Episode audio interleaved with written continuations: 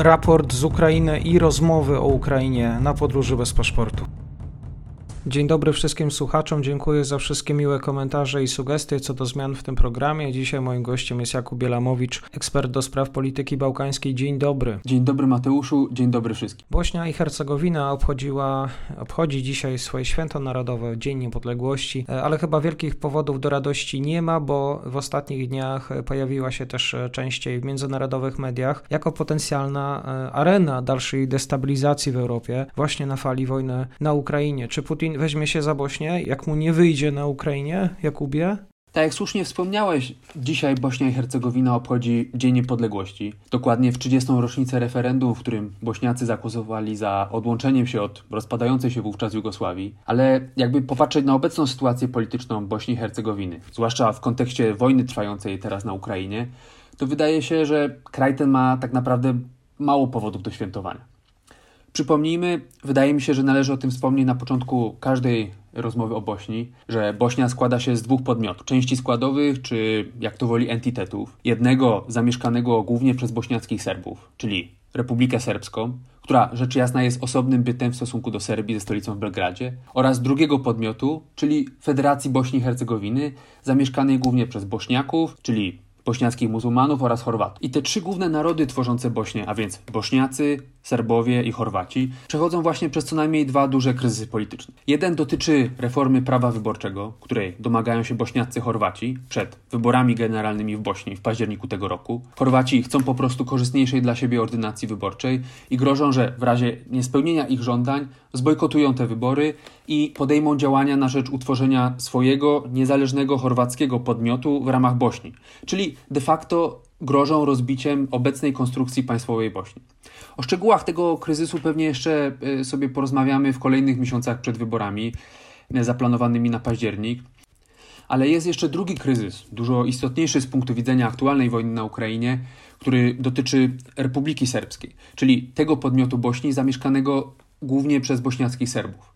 To tutaj przyspieszyły w zeszłym roku dążenia separatystyczne, na czele których stoi Milorad Dodik, lider bośniackich Serbów i członek e, prezydium Bośni i Hercegowiny, bo to z jego inicjatywy e, władze Republiki Serbskiej podjęły i krok po kroku kontynuują działania na rzecz usamodzielnienia się, utworzenia tak naprawdę swoich niezależnych e, instytucji, niezależnych od bośniackich władz federalnych w Sarajewie, no czyli de facto dążą do secesji. I co istotne w kontekście obecnego kryzysu ukraińskiego, Dodik ma w swoich separatystycznych dążeniach wsparcie Moskwy. Wczoraj ambasada Rosji w Sarajewie poinformowała na Facebooku o tym, że teraz, w samym środku wojny na Ukrainie, szef rosyjskiej dyplomacji Sergiej Ławrow rozmawiał telefonicznie z miliardem Dodikiem.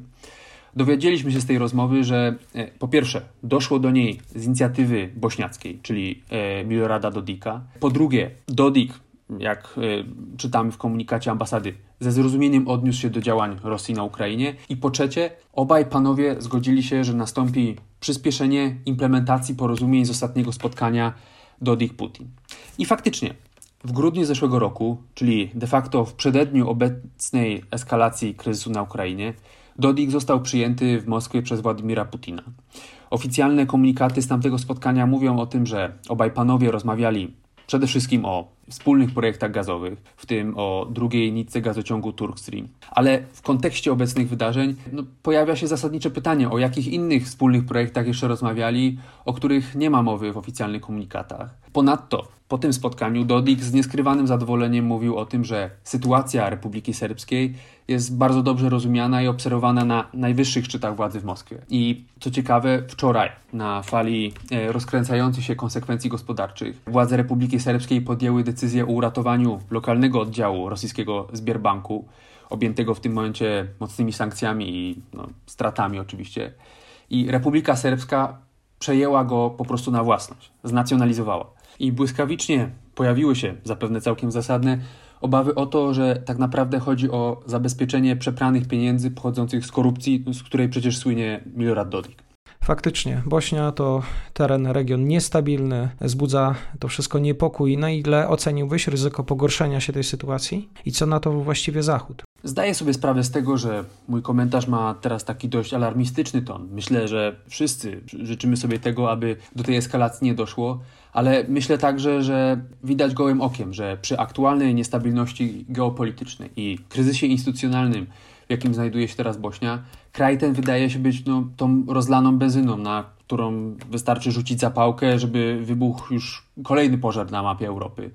I jestem przekonany, że Władimir Putin nie zawaha się tego wykorzystać w zależności od rozwoju sytuacji na Ukrainie. Tak jak rozmawialiśmy w naszym ostatnim komentarzu, jest już pierwsza realna e, reakcja ze strony Unii Europejskiej, gdyż kontyngent unijnej misji wojskowej EUFOR stacjonującej w Bośni został niemalże podwojony e, w ostatnich dniach z 600 do 1100 żołnierzy. Te pierwsze dodatkowe jednostki z Austrii, Słowacji, Rumunii i Bułgarii już dotarły w, w ten weekend e, do bazy wojskowej pod Sarajewem.